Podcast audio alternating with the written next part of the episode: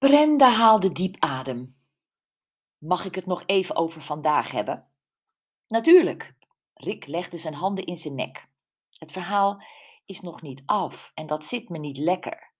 Brenda pakte een skoon van de schaal en smeerde hem rijkelijk in met room. Ah! Rick hield zijn mond wijd open. Brenda voerde hem lachend de skoon. Hij keek toen weer serieus. Wat hebben we nou? Het kan zijn dat Jean de Graaf bewust zijn rivaal heeft vergiftigd met de blinis. Het kan zijn dat zijn echtgenote hem wilde vergiftigen en per ongeluk haar minnaar doden. Het zou wel raar zijn als Jean de Graaf het risico zou nemen met dat pannenkoekje, want zoals het op Schiphol ging, had jij of ik het ook op kunnen eten. Hij bood het iedereen aan.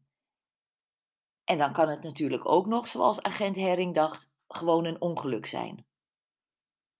Rick knikte alleen maar. Ga door.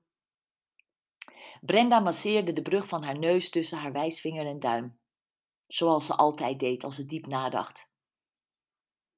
Wat ik eigenlijk wil, is Jan de Graaf bellen. Hoe moet die man zich nu voelen?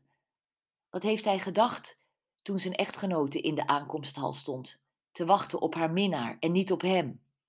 Wat zal zij tegen haar man gezegd hebben? Heb jij zijn kaartje nou nog kunnen vinden? Rick schudde verontschuldigend van nee. Bren, zei hij. Brenda keek hem verbaasd aan. Hé, hey, dat is mijn koosnaampje, riep ze. Mag ik je zo noemen? Verleidelijk kwam hij dichter naar haar toe. Ja hoor, wat wil jij zeggen?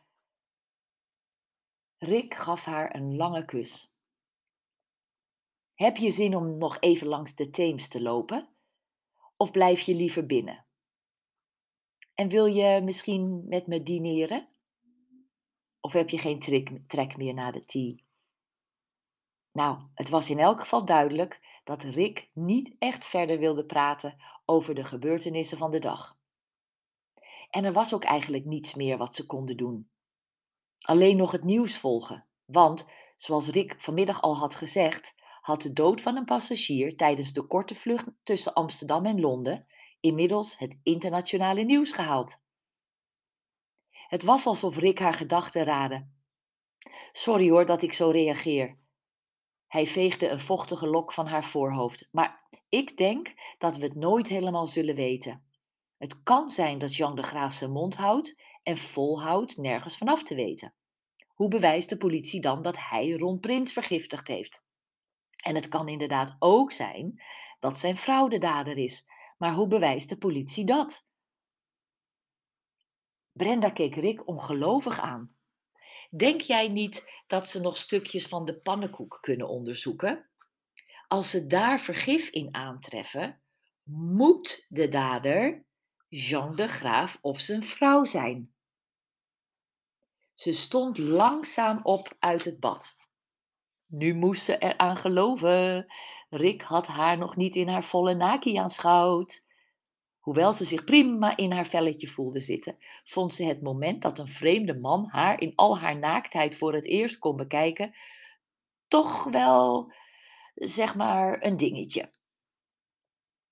Oh, ik wil nog wel even naar buiten hoor.